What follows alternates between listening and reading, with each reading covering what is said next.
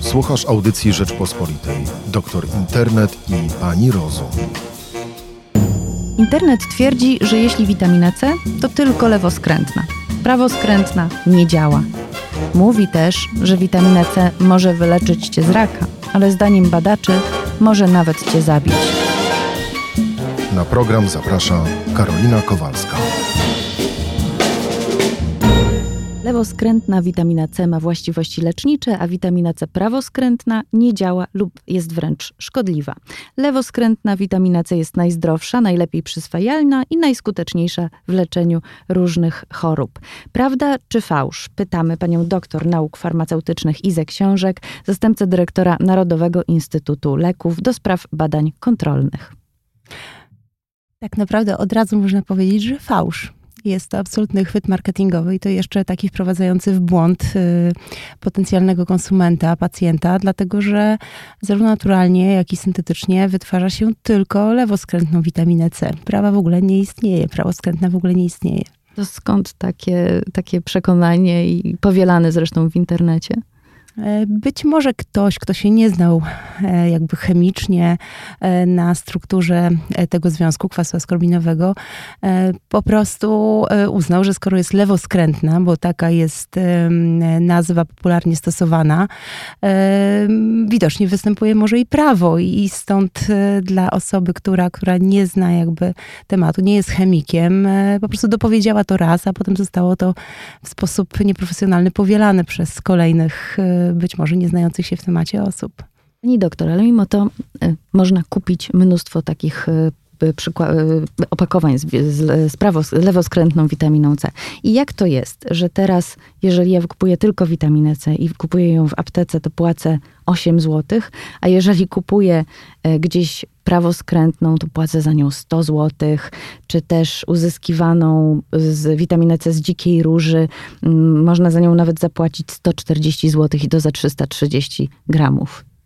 Myślę, że tutaj tylko i wyłącznie chodzi o marketing. O to, jak wygląda opakowanie, e, o to, w jaki sposób są prezentowane właściwości związku e, aktywnie czynnego w tym produkcie. E, no a większość osób, która no jakby nie rozumie tak naprawdę zarówno znaczenia biologicznego witaminy C, jak i mm, wartości, czy, czy też konieczności przyjmowania lub też nieprzyjmowania określonych dawek, po prostu daje się zmanipulować w tej reklamie tej prezentacji produktu. I czy apteka może sprzedawać taką lewoskrętną witaminę C, nazwaną lewoskrętną? E, to jest nazwa jakby chemiczna, tak? Kwas askorbinowy to jest tak naprawdę nazwa substancji czynnej, która, która jest e, witaminą C właśnie w tej formie lewoskrętnej. Tu chodzi po prostu o formę chemiczną tego związku. Rozumiem. Mówi się, że ta lewoskrętna witamina C, czyli każda chyba witamina C, z tego co pani mówi, jest w stanie wyleczyć wszelkie choroby, łącznie z tym, że jest w stanie wyleczyć raka. Z takim stwierdzeniem znalazłam się również w internecie. Prawda to czy fałsz? Witaminie C przypisuje się ostatnio, zarówno medialnie, jak i w oparciu o dane literaturowe, pewne właściwości.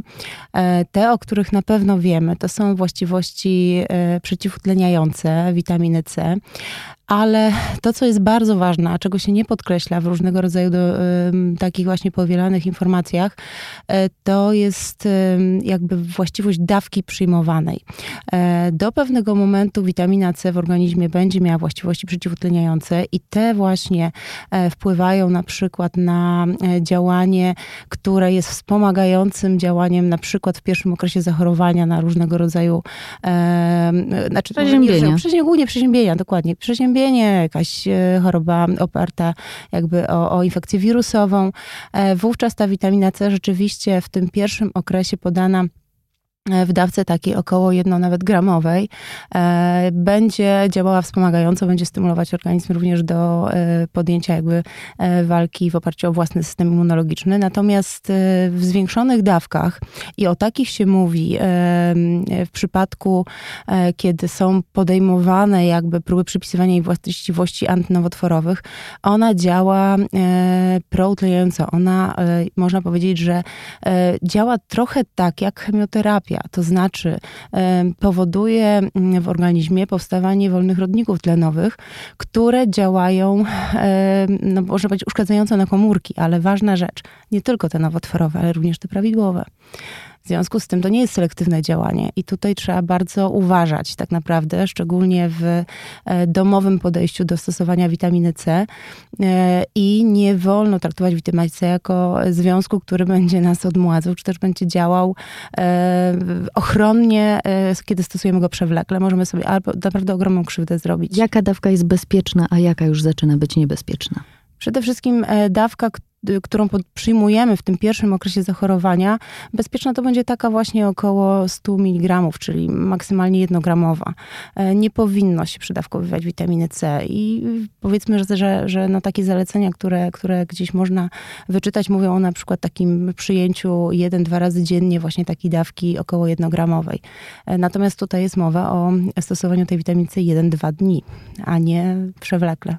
Pani doktor, ja mm, ostatnio właśnie się przeziębiłam i znajomy, który jest lekarzem, wprawdzie nie specjalizacji takiej zajmującej się przeziębionymi, bo jest to chirurg, powiedział mi: Dam ci dobrą radę, weź sobie cztery razy po jednej tabletce ibupromu i maksymalną dawkę witaminy C, zjedz pół blistra, niezależnie czy to jest 1000 mg czy więcej.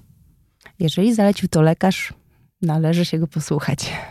Ale no właśnie, bo jest mnóstwo bo też takich recept na, w internecie. Czy tak, trzeba, się nie, stosować? Uważam, że każdorazowo powinniśmy zdecydowanie zasięgać porady lekarza. Niestety Polacy mają tendencję, o tym już też kiedyś e, rozmawialiśmy, były takie programy e, do samoleczenia to jest ogromny problem. Problem wynikający prawdopodobnie też no, troszkę z systemu opieki zdrowotnej, jaki w Polsce mamy, to znaczy utrudnionego dostępu do e, tej fachowej opieki. E, I ta tendencja samoleczenia niestety pokutuje właśnie w tym, że oglądamy reklamy, czytamy informacje w internecie, e, powielamy pewne schematy stosowane przez jedne osoby w swoim życiu. A trzeba pamiętać, że każdy organizm jest absolutnie indywidualny i to, co komuś pomogło, niekoniecznie będzie pomagać nam. No są pewne jakby wypracowane już takie z obserwacji E, wskazania, e, które można samodzielnie jakby powielić e, właśnie w odniesieniu do przeziębienia, w odniesieniu do infekcji wirusowej. Natomiast zdecydowanie należy przestrzegać się przed maksymalizowaniem dawek, przed stosowaniem nadmiernym suplementacji, czy też w ogóle przed stosowaniem suplementacji, kiedy nie jest ona wskazana przez lekarza. Kolejną witaminą, zresztą kolejną w alfabecie, o której się mówi, że ma wspaniałe właściwości i której trzeba jak najwięcej przyjmować, to jest witamina D3. Co pani na to? E, I tutaj rzeczywiście ta witamina e, jest wskazywana jako witamina, która może występować w niedoborze, szczególnie w okresie e, zimowym, jesienno-zimowym, kiedy mamy niedobór nasłonecznienia powierzchni skóry, bo jak wiemy, witamina D jest syntezowana w naszych komórkach. I rzeczywiście w przypadku, kiedy y, wystąpi niedobór, ale to należy po prostu określić y, w badaniach. E, każdy z nas w rozpoczynającym się okresie takim właśnie jesienno-zimowym powinien e, przed przystąpieniem do suplementacji witaminą D po prostu oznaczyć jej poziom w osoczu. Takie badania komercyjne można e, w przychodniach wykonać z badania, z pobrania krwi. I dopiero w przypadku, kiedy określony zostanie niedobór tej witaminy względem poziomu jakby mm, zalecanego w osoczu, należy tę suplementację mm, wprowadzić. Mamy, dysponujemy takimi badaniami, w których E, są to badania opublikowane, w których zbadano właśnie wpływ witaminy D w dawkach powyżej 400 e, jednostek. E, w produkcie leczniczym mamy około 1000 jednostek międzynarodowych, a znajdujemy suplementy na półkach i po 2000 jednostek, więc zwracam uwagę na dysproporcję, pięciokrotnie więcej, 400 jednostek, czyli w tych dawkach powyżej 400 jednostek u osób z prawidłowym poziomem, i to jest właśnie, właśnie ważne, abyśmy go na początek oznaczyli, zwiększa się ryzyko wystąpienia chorób nowotworowych i zwiększa ryzyko śmiertelności ogólnej. To są badania opublikowane, w związku z tym e, myślę, że z nimi nie można dyskutować. Są zrobione na dużej grupie obserwowanych e, pacjentów e, czy konsumentów witaminy D w przypadku suplementów diety i bardzo ważnym jest, abyśmy z taką świadomością podejmowali każdą suplementację. Także nawet ta zalecana przez lekarzy witamina D powinna powinna być e, suplementowana po wcześniejszym jej oznaczeniu w osoczu. Proszę powiedzieć, co z dziećmi, bo teraz jest taka tendencja, żeby jednak jak najbardziej suplementować dzieci tą witaminą D i to bez względu na porę roku. Y, Słyszy się wręcz od pediatrów, żeby nie żałować tym naszym dzieciom witaminy D. Ja natomiast trafiłam na mądrą pediatrę, która powiedziała mi, że z witaminą D u dzieci nie trzeba przesadzać, bo lepiej mieć, cytuję, krzywe nogi niż zwapniałe nerki. E, Dokładnie, to jest na pewno mądra wypowiedź e, i ona też sprowadza jakby do wcześniejszej mojej e, jakby sugestii. W przypadku niemowląt w ogóle jakakolwiek suplementacja musi się odbywać pod opieką lekarza pediatry. I jeżeli lekarz, szczególnie w tym okresie niemowlęcym, kiedy podasz jeszcze zarówno na składniki przyjmowane ze odżywiania, podczas odżywiania się takiego normalnego i również na jakby nasłonecznienie skóry jest bardzo ograniczone, na pewno jest wskazanie do stosowania witaminy D, ale zdecydowanie o tym powinien zdecydować lekarz pediatra, który się po prostu na tym zna, obserwuje, prowadzi dziecko i w stosownym momencie stosowne badania zleci. Co z innymi suplementami? Dostajemy mnóstwo informacji, chociażby prasowych, jest mnóstwo y, też reklam. Y, Właściwie Polacy są zasypywani takimi informacjami o tym, że muszą brać suplement, który poprawia kondycję wątroby, bo uwaga, to dostałam wczoraj, y, grozi mu niealkoholowa, stłuszczeniowa choroba wątroby i w związku z tym najlepiej, żeby przyjmował taki suplement diety. To tak jak z chorobą niespokojnych nóg, taka w ogóle nie istnieje. To są, to są kolejne chwyty marketingowe. E, W, nie tak dawno została e, opublikowana, właściwie to jest e, 2013 rok, a z badań wykonanych przez, na przełomie lat jedyna- e, 2011-2012 Instytut Żywności i Żywienia e, wykonał badania populacji e, warszawiaków e, w odniesieniu do ich sposobu żywienia i stosowania suplementów diety. E, I konkluzja jest jednoznaczna. My tej suplementacji w ogóle nie potrzebujemy. Naprawdę ona powinna być zarezerwowana tylko do wyjątkowych e, wskazań e, w przypadku ograniczonej podaży, zróżnicowanej jakby mm, żywności w naszej diecie, kiedy są jakieś ograniczenia, wykluczenia zdrowotne w przypadku jakiejś alergii. Wówczas rzeczywiście należałoby to rozważyć pod opieką lekarza. Natomiast generalnie przeciętny y, mieszkaniec Warszawy, jak wynika z tej publikacji, normalnie się odżywiający, czyli też nie w sposób szczególny dbający o tę dietę, e, tak naprawdę podaż wszystkich potrzebnych witamin i minerałów ma na właściwym poziomie. W związku z tym e, wydajemy tak naprawdę pieniądze na coś, co nam jest zupełnie niepotrzebne, bo my to mamy w odpowiedniej podaży już w żywności.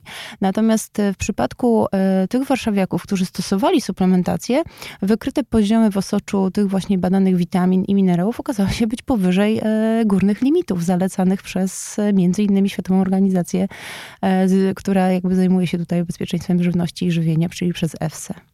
Czym to grozi, taka przekroczona ilość? E, Z badań też się oprę tutaj na badaniach, jako że instytut, e, reprezentuję Instytut Naukowo-Badawczy. E, Z badań, które były wykonane między innymi w Stanach, tam mm, przez taki narodowy, jakby taki narodowy instytut właśnie, który zajmuje się zdrowiem, jednoznacznie wynikało przy porównaniu dwóch grup pacjentów, takich, która poddawała się suplementacji i taka, która się nie poddawała suplementacji, że w obserwowanych jednostkach chorobowych, czyli przy chorobie nowotworowej, chorobie zastojnowej, chorobie wieńcowej, przy udarach, zawałach, e, przy wysokim cholesterolu i nadciśnieniu, czyli tych takich najbardziej typowych jakby populacyjnych chorób, e, w przypadku grupy, która em, suplementowała mm, się jakimiś właśnie dodatkowymi e, składnikami odżywczymi, witaminami, minerałami, e, w każdej z tych jednostek chorobowych śmiertelność była wyższa. I to są różnice naprawdę dość istotne. Na przykład w chorobie nowotworowej grupa, która była poddawana suplementacji w stosunku do grupy, która nie była, to jest różnica 65% śmiertelności do 35%. To jest 30% jakby wyższa śmiertelność w tej grupie, która się suplementowała, co oznacza, że suplementowanie między innymi w chorobie nowotworowej może na przykład pobudzać ten nowotwór do e, większej aktywności, do, do, do szybszego jakby wzrostu, E, bo, bo w tym momencie pobudzamy tak naprawdę składnikami odżywczymi również e, komórki nowotworowe. Czyli konkluzja jest taka, że suplementy nie pomogą, nie wyleczą, ale mogą zabić. W tym przypadku mogą przyspieszyć jakby i zwiększyć to ryzyko, tak. Czy mam rozumieć, że osoba zdrowa, która nie ma mm, wskazanych no, niedoborów, czy też nie, nie, nie oznaczono nie, niedoborów we krwi jakiejkolwiek substancji, może się obyć zupełnie bez żadnych suplementów? Tak, wygląda na to, że tak. Na to wskazują wszystkie badania. A co na przykład z takim popularnym przesądem, że jeżeli się stresujemy, to powinniśmy troszeczkę więcej przyjąć magnezu, może witaminy B? Jeżeli mamy objawy niedoboru magnezu, które mm, pojawiają się w postaci na przykład właśnie tych e, bolesności mięśni, e, skurczy i tak dalej, to po oznaczeniu jak najbardziej tak, ale to jest prawdopodobnie określony czas i określona dawka, która powinna być e, tego magnezu przyjęta. Czyli sam fakt, że ktoś się denerwuje, nie jest wskazaniem do tego, żeby stosować magnez. Dziękuję bardzo pani doktor. Bardzo dziękuję. Doktor Internet i pani Rozum. Rodzice słyszą, że e-papierosy są zdrowszą alternatywą dla tych tradycyjnych. Nie wiedzą, że na ich oczach nastolatki wdychają narkotyki. Marihuanę można zażywać w e-papierosie i rodzic nic nie wyczuje. Prawda czy fałsz? Pytamy Tomasza Białasa, dyrektora Departamentu Nadzoru nad Środkami Zastępczymi w Głównym Inspektoracie Sanitarnym. To niestety prawda. E, technologia dzisiaj pozwala używać praktycznie każdego narkotyku poprzez drogę e, taką inhalacyjną właśnie papierosa, przy czym musimy powiedzieć, że e, mówimy tutaj o tych papierosach, które są związane z likwidami, czyli jest e, ta część płynna, ten kartridż płynny, który jest podgrzewany i który później inhalujemy do płuc, y, ponieważ jeżeli możemy dojść do tego kartridża, tam jest glikol albo glikol propylonowy, y, czy gliceryna, y, która tak naprawdę rozpuszcza różne substancje, więc dodaje się substancje smakowe. Można dodać również no może nie bezpośrednio marihuanę, raczej THC, czyli, czyli wyciąg z tejże marihuany, ale także innych kanabinoli i innych jeszcze bardziej niebezpiecznych substancji i oczywiście możemy się tym inhalować. To jest prawda. W internecie są różne przepisy na zrobienie takiego wkładu z THC, może nie z marihuany, i czytamy, że to trzeba zdekarboksylować. Czy to jest łatwe do zrobienia w domu, szczególnie przez dziecko, no może nie dziecko, ale nastolatka? Y, ja myślę, że to jest przepis, y, to, to jest bardzo skomplikowany język. Myślę, że można y, bardzo prosto nabyć gotowe już takie półprodukty, które po prostu się dodaje, więc nie możemy oczekiwać, że dziecko będzie jakieś tutaj doświadczenia chemiczne robić w domu. Internet, ale w ogóle życie nam ułatwia różne rzeczy. Mamy półprodukty, możemy dodać po prostu olejek już zrobiony, taki olejek z THC, który... Jest legalny? No nie jest legalny, ale to nie znaczy, że jest niedostępny. Y, w Polsce 27, około 30% młodych ludzi, uczniów deklaruje, że przynajmniej raz w życiu paliło marihuanę.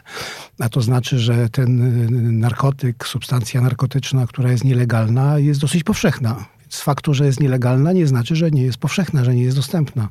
Niestety jest dostępna. Rodzic no, rodzic... Twierdza, że e-papieros to jest mniejsze zło i woli, żeby dziecko paliło e-papierosa niż papierosy tradycyjne, a dziecko w tym czasie zażywa przez takie papieros marihuany. To jest nie do wykrycia przez rodzica? Yy, no, to jest pytanie przede wszystkim, y, czy e-papieros w ogóle jako, jako narzędzie, jako przedmiot jest czymś, co jest rzeczywiście bardziej bezpieczne niż tradycyjny papieros, bo powiedzmy o tym, że e-papierosy powstały jako pewien, pewien wynik pracy nad tym, co tutaj jeszcze zmienić w przemyśle tytoniowym i e, w związku z tym, że ludzie odchodzą od palenia tradycyjnego, ponieważ badania, ostatnie 50-70 lat badań pokazały nam jednoznacznie, że palenie tradycyjnych papierosów jest bardzo szkodliwe, szkodliwe, nawet śmiertelnie szkodliwe. 90% raka płuc to są palacze papierosów, więc trzeba coś zmienić, żeby e, uciec do przodu, mówiąc krótko, i w jakiś inny, alternatywny sposób dać możliwość palenia, palenia przede wszystkim, czy zażywania nikotyny, bo nikotyna to jest substancja psychoaktywna, jest bardzo uzależniająca, dlatego bardzo trudno jest rzucić palenie, ponieważ natura nikotyny jest taka, że uzależnia, wpływa na ośrodkowy układ nerwowy. Chcemy sięgnąć po następnego papierosa, następnego i następnego i w sytuacji, kiedy to nie jest e-papieros, a e-papieros, tu się nic nie zmienia, ponieważ dostarczamy nikotynę niejednokrotnie nawet więcej niż w tradycyjnym papierosie i przyzwyczajenie czyli ten nauk do tej substancji jest jak najbardziej na wysokim poziomie. Natomiast to jest nowa technologia, która daje nowe możliwości.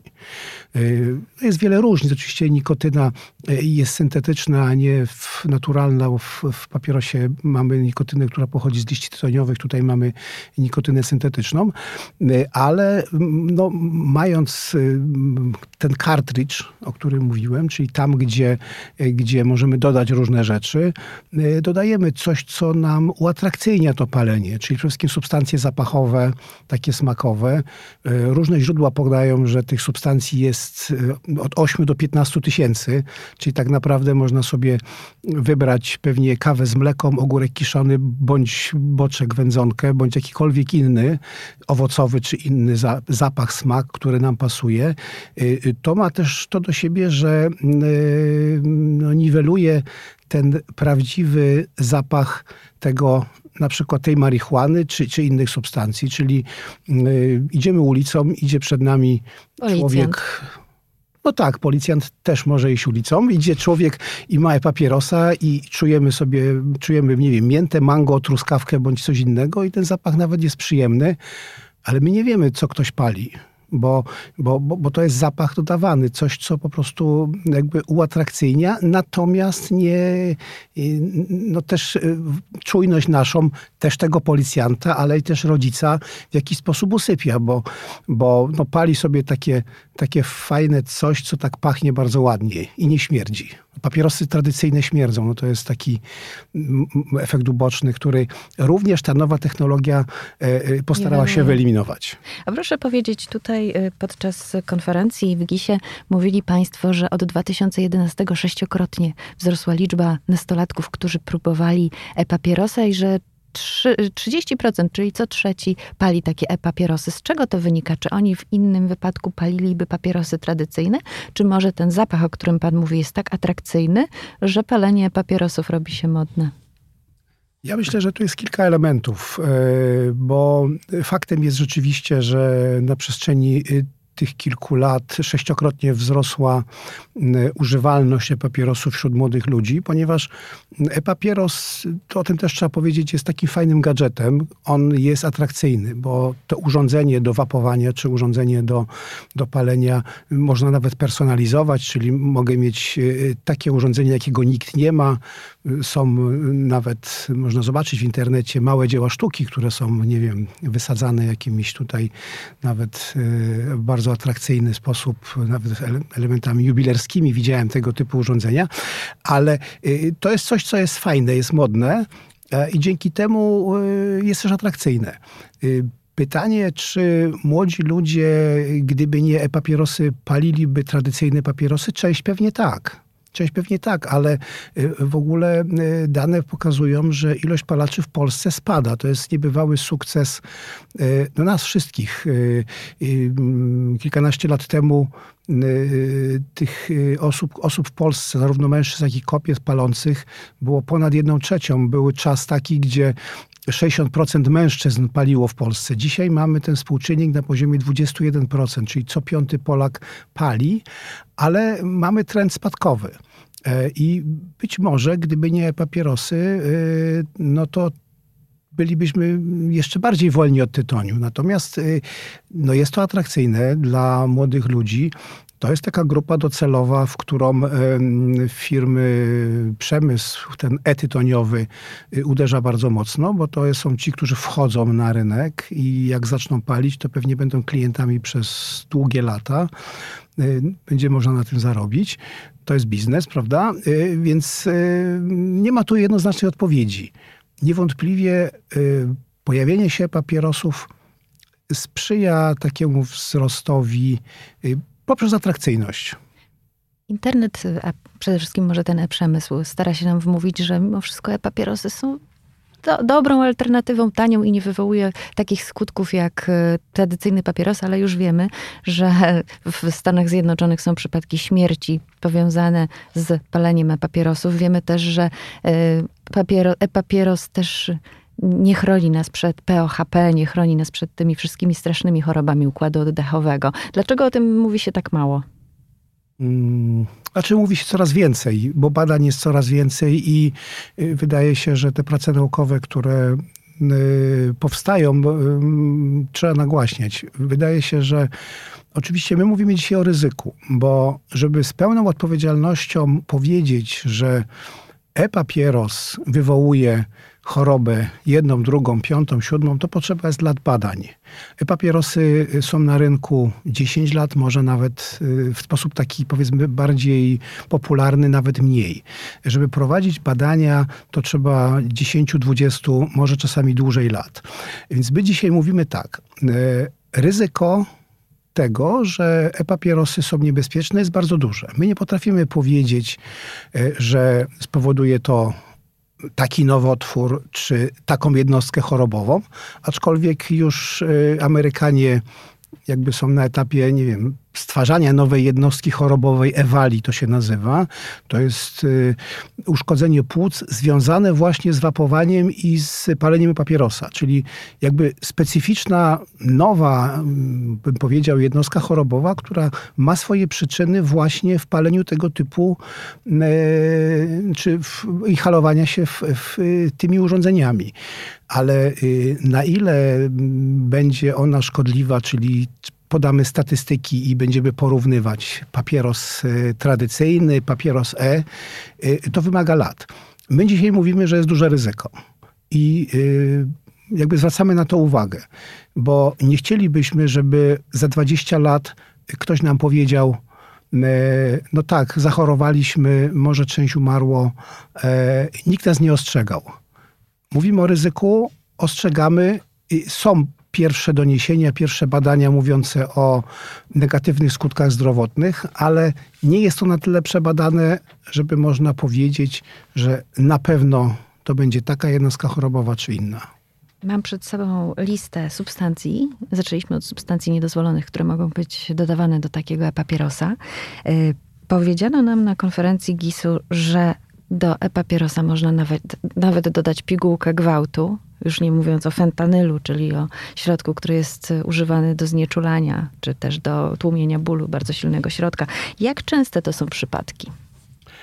E, może tak, bo pigułka to jest taki, taki, taki skrót myślowy. Pigułka gwałtu kojarzy nam się z tabletką, a tabletka we papierosie to nam się jakby źle kojarzy. Ale pigułka gwałtu to jest taki, e, to jest jakby taki rodzaj substancji chemicznych, które powodują e, naszą bezwolność i, i możliwość właśnie dokonywania tego czynów. Są substancje takie jak gamma-butyrolakton, w skrócie GBL, który jest po prostu w płynie, więc można ileś kropli tego płynu dodać do likwidu i nie ma problemu. On będzie wchłonięty poprzez, poprzez tą inhalację, więc to tytułem tego skojarzenia. Palacz e-papierosów proponuje palaczce e-papierosów, że, żeby spróbowała bardzo smacznego likwidu i dodaje jej tą substancję. Ja mówię o, o takiej potencjalnej sytuacji, która została opisana w artykułach w prasie naukowej, które wskazują, że są możliwości zrobienia czegoś takiego. Natomiast ja nie znam, a na pewno nie znam z Polski y, przykładu, który y, jakby wskazywałby jednoznacznie, że coś takiego miało miejsce, ale to też może mieć związek z tym, że akurat te substancje, o której powiedziałem, ona się bardzo krótko utrzymuje w organizmie. Czyli jeżeli nie, nie, nie zrobimy badania krwi, nie pobierzemy krwi w krótkim czasie, ona się po prostu mm, e, redukuje, w ogóle nie ma śladu w organizmie tej substancji. Także w ogóle wykrycie jej często bardzo trudne po czasie, ale mówimy, że coś takiego może być i znamy z literatury y, opisy takich sytuacji, więc przed nimi ostrzegamy. To nie znaczy, że to się dzieje, czy to jest powszechne. A metamfetamina, heroina, czy chociażby ten fentanyl, dlaczego może istnieć pokusa, żeby właśnie w e-papierosie wdychać te substancje? To znaczy akurat y, y, może nie sam fentanyl, ale pochodne, bo fentanyl to jest y, produkt leczniczy wykorzystywany w bardzo silnych właściwościach bólo, przeciwbólowych, które jest wykorzystywany w, po prostu w terapii takiej przeciwbólowej. Natomiast te środki są modyfikowane w sposób taki, żeby powodować substancje takie bardzo mocno odurzające, euforyzujące. Akurat w przypadku tych substancji są opisane w literaturze w Polsce nawet kilka przypadków zgonów, ja znam dwa opisane w literaturze, które były dodawane do y, właśnie e-likwidu. Czyli y, w organizmie denata stwierdzono pochodne fentanylu, y, również stwierdzono nikotynę. I jakby z okoliczności tych zgonów, y, no, to akurat nie zabiła kogoś nikotyna, na pewno, y, zabił narkotyk, y, ale wykorzystywano te substancje, te, te, urządzenia i te substancje do odurzania się, bo po prostu inhalowanie się tymi substancjami poprzez e-papieros no jest, daje możliwość dużego efektu. Także osoby, zwłaszcza uzależnione, ta jedna z tych osób to była osoba uzależniona, jedna była okazjonalnym użytkownikiem, czyli powiedzmy, nie wiem, czy pierwszy, czy drugi, czy któryś raz spróbowała, niestety ze skutkiem śmiertelnym. No, to są substancje tak jak heroina, bo akurat y, fentanyl i pochodne działają dokładnie tak jak heroina, po prostu bardzo mocno euforyzują. No, ludzie szukający bardzo mocnych wrażeń, y, no, decydują się podejmować ryzyko y, narkotyzowania się w ten sposób. To już nie są dzisiaj igły, strzykawki, y, taki obrazek, który gdzieś tam znamy z literatury sprzed lat. To są po prostu środki syntetyczne, dużo bardziej skondensowane, które y, no, używane także w ten sposób, bo ten sam fentanyl może być nanoszony na susz i palony w postaci takiego tradycyjnego skręta. Może być również inhalowany w sposób no, proszku, tabletki. To są środki syntetyczne, czyli w zasadzie y, y, każdy stan skupienia, każda możliwość podania, podania jest tu możliwa. Można mm, zrobić, y, nawet inhalatory są w tej chwili takie, które to wygląda troszkę jak takie y, przeciw katarowi używamy takie inhalatorki, możemy w ten sposób podawać. Czyli praktycznie każda możliwość jest podana. Także tutaj jest y, jakby tylko, mm, mówię o takim, takim potencjale, co nie znaczy, bo może tutaj rodzić takie jakby fałszywe skojarzenie, że y, przemysł ten legalny, prawdziwy, e, płacący podatki, przemysł coś takiego robi. Absolutnie nie. To nie, nie, nie, nie ma czegoś takiego, znaczy nie, nie, nie ma takich danych. Nie, nie, myślę, że to wszystko jest ok. Mówię o takich y, samodzielnych działaniach y, osób, które chcą po prostu przeżyć coś więcej. Czyli nie będzie tak, że na przykład te wyspy w supermarketach, w których sprzedaje się likwidy, nie będą kontrolowane przez GIS razem z policją pod kątem substancji niedozwolonych? E, Nie, znaczy myślę, że ryzyko, e, że tam sprzedaje się substancje niedozwolone jest, jest bardzo niskie. To znaczy myślę, że, że nawet jest e, bliskie zeru. Nie wydaje mi się, nie ma e, legalny przemysł, nie myślę, nie, nie, nie, nie ma takich pokus, żeby, czy nie ma takiej potrzeby. To mm, zarabia się na papierosie, na tytoniu, znaczy na nikotynie, a nie trzeba zarabiać jeszcze na czymś innym. Także to y, oczywiście nie. Natomiast, y, natomiast y, to, co robią ludzie gdzieś tam w domu, w zaciszu, y, gdzie dodają sobie albo dodają innych, albo sprzedają tego typu, no bo też znam przypadki takiego handlu no, całkowicie nielegalnego, takich, y, takich kartridżów, które są już spreparowane w sposób taki, który no, jednoznacznie służą y, odurzaniu się. Ale to jest, to jest pewien margines, tak? To nie jest, to nie jest sytuacja powszechna. Mówię o potencjalnej możliwości, jeżeli tak możemy powiedzieć. Państwo monitorują rynek dopalaczy. Czy też monitorują stosowanie tych dopalaczy w likwidach i ym, jak bardzo Państwo kontrolują stosowanie ich przez y, właśnie nastolatków palących e-papierosy? Mm, Może powiem w ten sposób. Y, W zeszłym roku y, akurat przepisy narkotykowe były bardzo mocno zmodyfikowane. Ta modyfikacja polegała na tym, że te tak zwane dopalacze, nazywane przez nas nowymi narkotykami, y, y, jakby przesz- nadzór nad tymi substancjami y, przeszedł pod kuratelę organów ścigania. One są w tej chwili całkowicie nielegalne i, i, i ten nadzór bywa się tak jak nadzór każdego innego narkotyku. My oczywiście mamy informacje i od współpracujących z nami policjantów czy prokuratorów.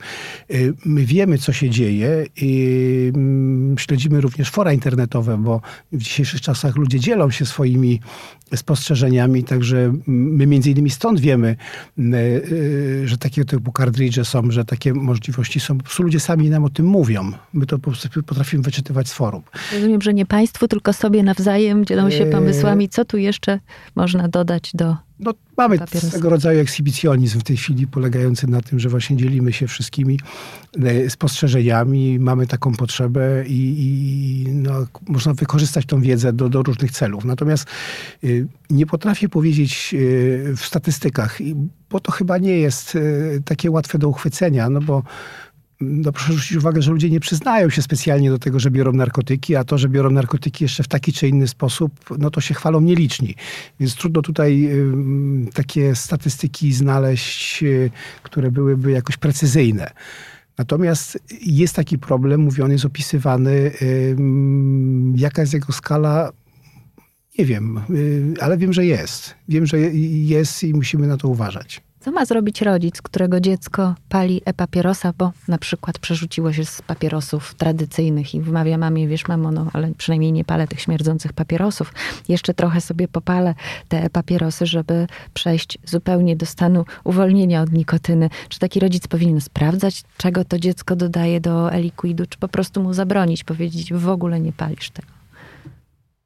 E, Dobra rada dla rodzica, co ma zrobić, jak dziecko pali. No przede wszystkim to jest kwestia pewnego przykładu, tak? Bo, bo e, oczywiście jeżeli rodzic sam pali e, i, i, i- dziecko pali, no to ma bardzo taki wzór, który kopiuje i, i jakby no, trudno wiarygodnie sposób powiedzieć, że ja palę, mnie to nie szkodzi, a tobie będzie szkodzić. Więc przede wszystkim to jest postawa własna rodzica, tak?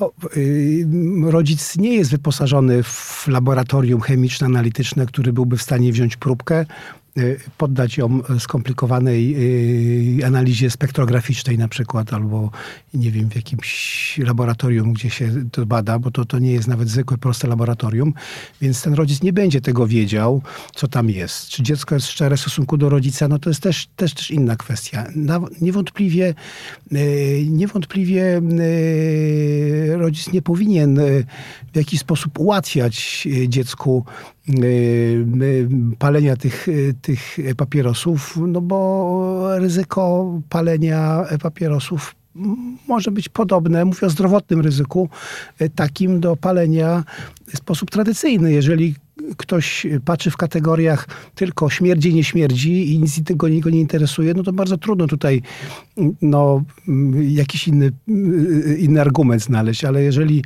argumentem jest nasze zdrowie, czyli to, że będę żył dłużej, będę żył w dobrostanie, e, nie nabędę jakichś chorób e, układu oddechowego, czy, czy powiedzmy innych uczuleń, no to rodzic powinien znaleźć jakąś drogę do dziecka, żeby mu to wytłumaczyć.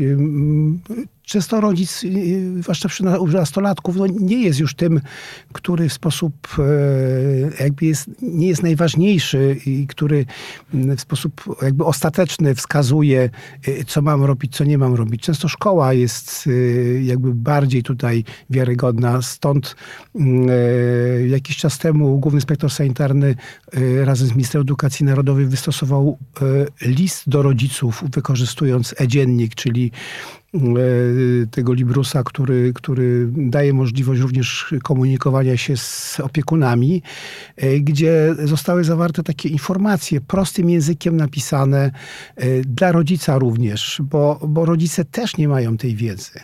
E, Jeśli sami nie jesteśmy pewni, jak niezdrowe, jak niebezpieczne są papierosa, to też nie, musimy jakby przekazywać pewne informacje, nawet takie gotowe w postaci takich, y, mówię, prostych przekazów rodzicom, bo ten rodzic y, powinien o tym powiedzieć dziecku, y, pani w szkole powinna powiedzieć, może ktoś inny powinien powiedzieć, może jakaś kampania społeczna powinna powiedzieć, po to, żeby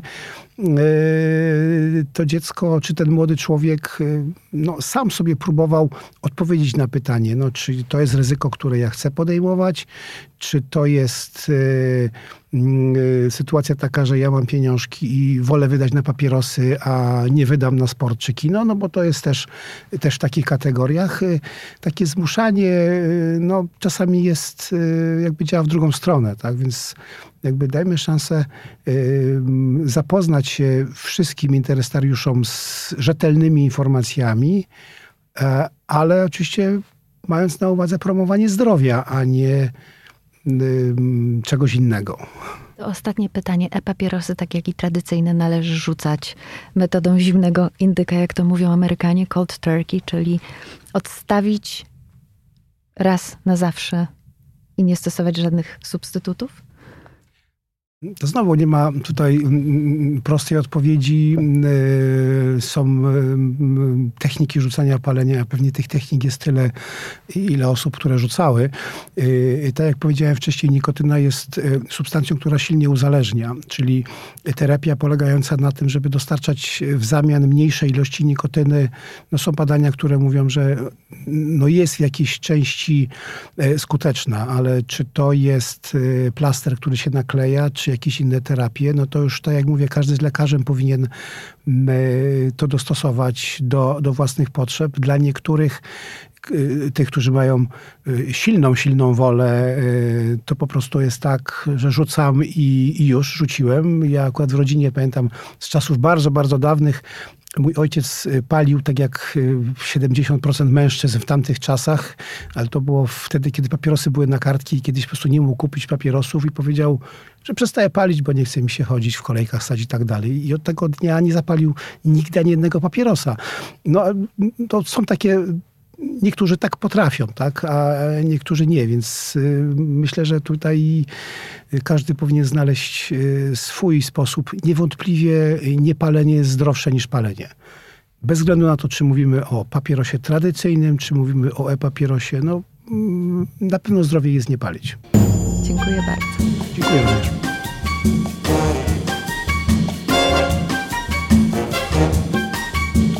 To była audycja Rzeczpospolitej Doktor Internet i Pani Rozum.